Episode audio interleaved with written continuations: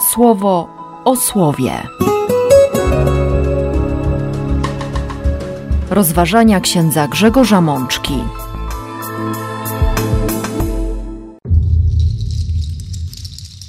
Dwudziesta siódma niedziela zwykła, rok C. Z księgi Habakuka. Choćby się nawet opóźniał, ty go oczekuj, bo który ma przyjść, przyjdzie i nie będzie się ociągał. Z Psalmu 95. Dzisiaj, jeśli usłyszycie głos Jego, nie bądźcie oporni w sercach swoich. Z drugiego listu świętego Pawła do Tymoteusza.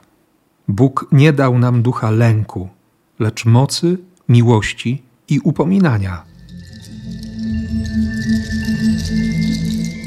Z Ewangelii według świętego Łukasza.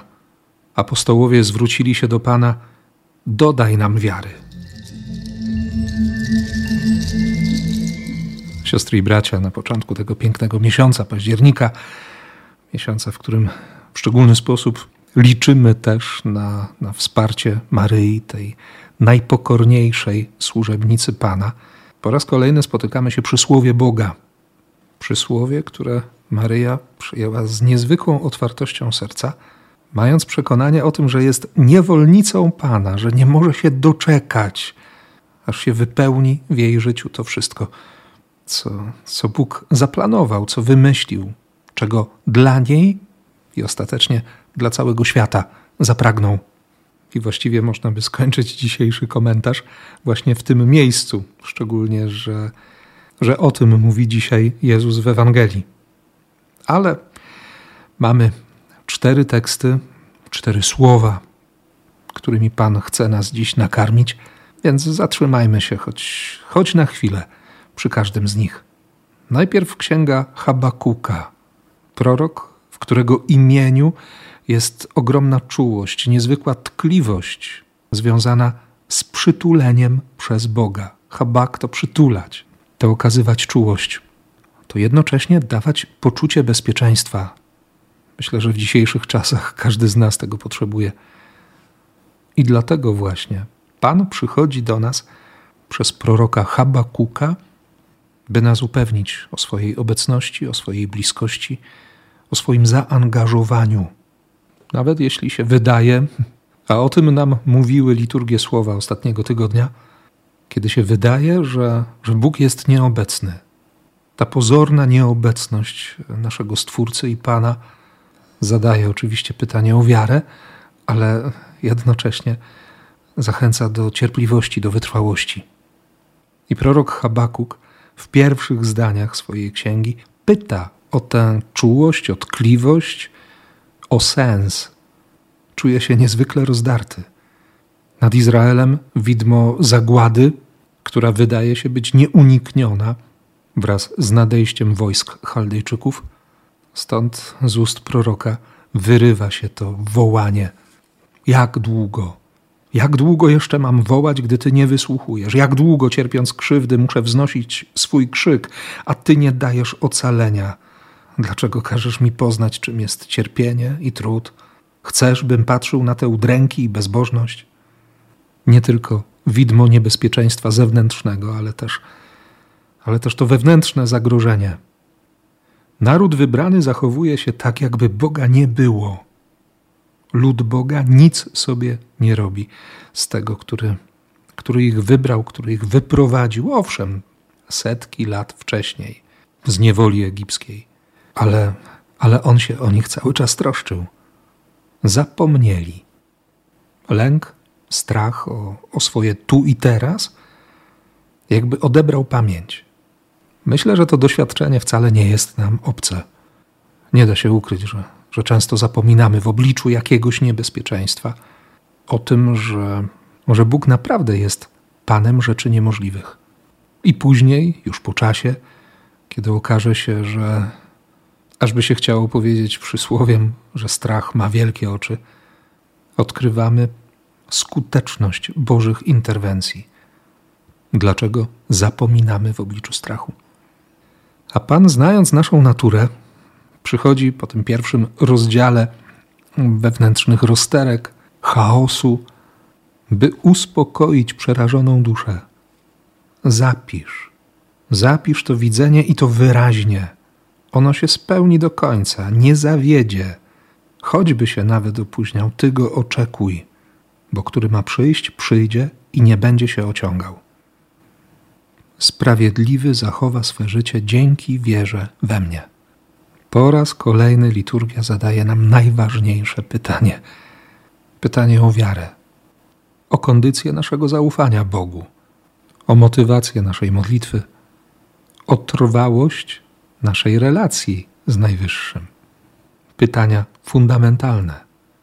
Nawet w kontekście rozpoczętych już nabożeństw różańcowych. Przecież doskonale wiemy, że nie chodzi o odliczenie tych pięćdziesięciu trzech zdrowasiek, kilku Ojcze Nasz, chwała Ojcu, czy modlitwy podyktowanej przez anioła w Fatimie. Chodzi o spotkanie, o żywą relację. Dlatego Bóg w tym pierwszym czytaniu po raz kolejny chce nas upewnić, chce nam przyjść z pomocą, chce wyjść naprzeciw naszym zwątpieniom, może nawet jakiemuś wewnętrznemu roztrzaskaniu i powiedzieć: Jestem, jestem obecny. Nieobecność jest tylko pozorna. Owszem, tutaj potrzeba wiary, potrzeba wiary Kościoła. I dlatego znów czuję się zmotywowany i sprowokowany jednocześnie do tego, by, by Bogu za Kościół dziękować by ucieszyć się wspólną Eucharystią, by razem we wspólnocie usłyszeć słowo, które podnosi, które dźwiga, które daje nadzieję. Tym bardziej, że zachęca nas do tego również komentarz zawarty w Psalmie 95. Psalm bardzo dobrze znany wszystkim, którzy modlą się brewiarzem. Słowo, które, które motywuje by nie być opornym w swoim sercu, by nie mieć twardego, skamieniałego serca, kiedy, kiedy przychodzi słowo od Pana, kiedy słyszymy Jego głos. Również dlatego będę dziś na Eucharystii dziękował Bogu za Kościół, za to, że moje siostry i moi bracia mobilizują mnie do słuchania, za to, że wy, siostry i bracia, domagacie się, i mówię to z pełną świadomością, domagacie się mojego czasu na słuchanie Boga. Jestem Wam za to naprawdę wdzięczny. Nie mieć opornego serca, pozwolić, by spełniła się obietnica dana przez Boga w proroctwie Ezechiela. Dam nowe serce, żyjące serce, tchnę ducha. Jestem przekonany, że Bóg dziś każdego z nas zachęca właśnie do takiej modlitwy. A jeśli komuś jeszcze mało, to w kolejnym słowie, w pierwszym rozdziale drugiego listu apostoła narodów do Tymoteusza, słyszymy kolejną zachętę. Święty Paweł przypomina Tymoteuszowi nieobłudną wiarę, która najpierw zamieszkała w jego babce Lois i matce Eunice, a później także i w nim. I dlatego, kontynuując swój list, Paweł pisze: z uwagi na to przypominam ci, abyś z odwagą wciąż na nowo rozpalał w sobie żar duchowego daru, który otrzymałeś od Boga. Pamiętaj przy tym, że Bóg nie dał nam ducha tchórzostwa, lecz w swoim duchu wyposaża nas w moc do życia według Chrystusowego wzorca ofiarnej miłości, w samodyscyplinie i trzeźwym myśleniu opartym na właściwej ocenie sytuacji. Tak, doświadczenie wiary to nie jest bujanie w obłokach. Jak mówią niektórzy z uśmiechem, chmury nie są najlepszym fundamentem na stawianie porządnych kroków. Dlatego również apostoł w kolejnych słowach zwraca się do, do swojego umiłowanego ucznia. Nie obawiaj się zatem składania świadectwa o Panu i nie wstydź się kajdan, którymi zostałem skuty z jego powodu.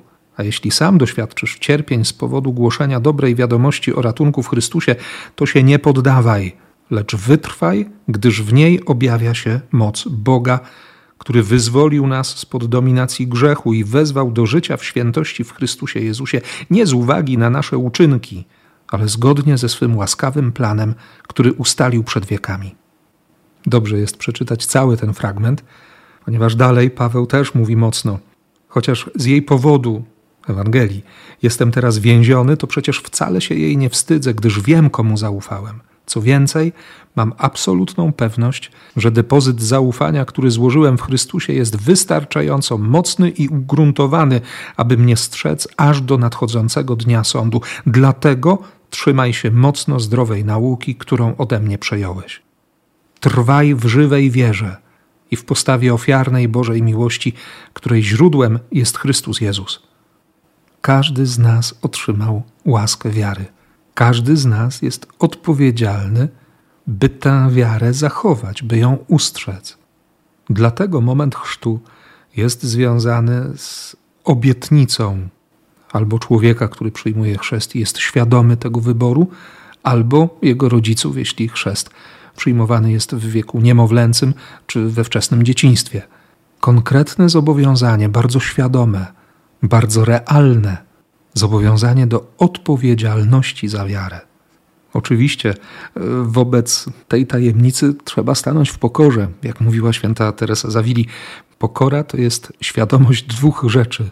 Po pierwsze, że jestem również zdolny do ogromnego zła, a po drugie, że bez względu na to Bóg i tak będzie mnie kochał, bo pokora to prawda, prawda o swojej kondycji, o ogromnym dobru, które otrzymaliśmy od Boga i które możemy wykorzystywać, przez co ten świat może stawać się lepszym, jednocześnie bez ucieczki od tej prawdy o złu, jakie popełniamy i które możemy szczerze wyznawać w sakramencie pokuty i pojednania, po to, by otrzymać łaskę, by doświadczyć miłości i miłosierdzia, by przyjmować ciągle na nowo i trwać w łasce nawrócenia, to znaczy zmieniać myślenie.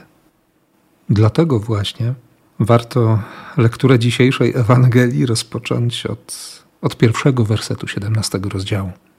Od słów Jezusa, że nie jest możliwe, by nie przyszedł duchowy zamęt i moralny upadek, by strzec zatem samych siebie, by upominać tych, którzy grzeszą, co zaznaczył również święty Paweł w liście do Tymoteusza, i by przyjmować grzeszników, ofiarując przebaczenie. Jeśli się opamięta, będzie prawdziwie żałować, wtedy jej przebacz. Gdyby ciągle grzeszyła przeciw tobie i w jednym dniu spotkałoby to ciebie siedem razy, lecz ta osoba za każdym razem prawdziwie żałowałaby swego postępowania, przebacz jej. I właśnie wtedy apostołowie mówią: Panie, jeśli tak mamy postępować, to musisz wzmocnić naszą wiarę. Wystarczy siebie samego zapytać, jak to wygląda z tym ofiarowaniem przebaczenia, z naszą wolnością, wolnością od skrępowania jakąś doznaną krzywdą i wolnością daną tym, którzy nas skrzywdzili. Uczniowie Jezusa wiedzą, wiedzą, jakie to trudne. Dlatego właśnie w tym kontekście proszą, musisz wzmocnić naszą wiarę. A co na to Jezus? Nowy przykład dynamiczny w niezwykle interesujący sposób tłumaczy odpowiedź Jezusa. Nie jest to kwestia wiary, lecz posłuszeństwa.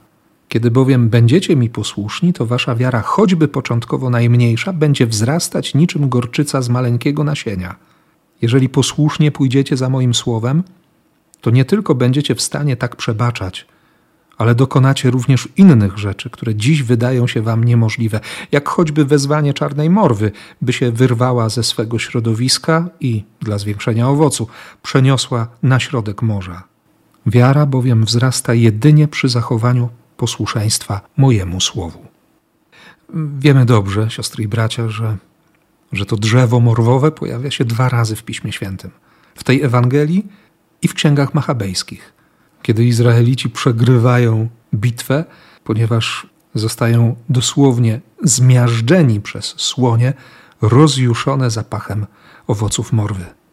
Tak właśnie bywa z grzechem. Potrafi zmiażdżyć. Pokusa, która przychodzi do nas, jak uzależniający zapach owoców, sprawia, że, że potrafimy stracić zdrowy rozsądek, stracić głowę, że poruszamy się na granicy szaleństwa, tracimy panowanie nad sobą. Wiemy dobrze, że człowiek w afekcie, podczas przeżywania niezwykle silnych emocji, jest zdolny do wszystkiego dobrego i do wszystkiego złego. Oczywiście diabłu zależy na tym, byśmy o wiele częściej wybierali wszystko zło. I dlatego Jezus mówi e, o tej morwie, której system korzenny jest tak rozłożysty, jest tak potężny, że nie da się jej wyrwać bez użycia ciężkiego sprzętu. Mówi o rzeczach niemożliwych, jednocześnie dając konkretne światło, że to, co niemożliwe, stanie się możliwe dzięki posłuszeństwu Słowu, dzięki tej drodze ze Słowem Boga. Dlatego po raz kolejny jestem Wam, drodzy bracia, drogie siostry, wdzięczny za to, że, że możemy razem zatrzymywać się przy Słowie, że możemy iść drogą posłuszeństwa Słowu, nawet jeśli to posłuszeństwo wydaje się być bardzo trudne i realnie jest niezwykle wymagające. I Jezus jeszcze dodaje, jakby chcąc upewnić uczniów, sami zresztą ocencie, czy ktokolwiek wysyłając niewolnika w pole, by orał lub pazł jego bydło, kiedy ten już wróci od zleconych mu zadań, powie: Teraz możesz już zostawić wszystko i zasiąść ze mną do stołu. Czy tak mu powie? Z pewnością nie. Raczej da mu kolejne zadanie: Teraz przygotuj mi coś do jedzenia. Przebierz się i usługuj mi, aż się nasycę.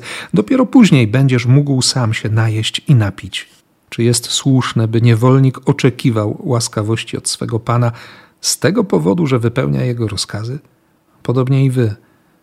Za każdym razem, gdy już wykonacie, co wam poleciłem, mówcie sobie: Wykonaliśmy to, co było naszym obowiązkiem. Nie ma w tym żadnej naszej zasługi.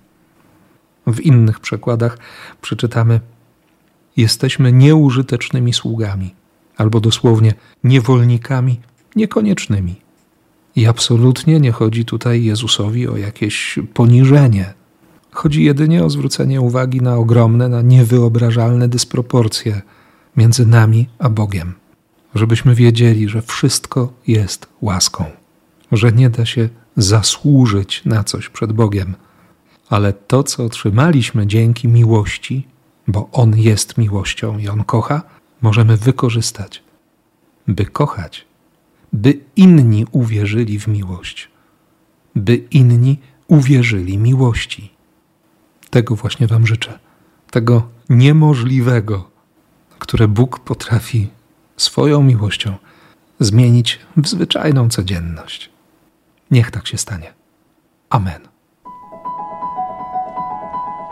Słowo o słowie.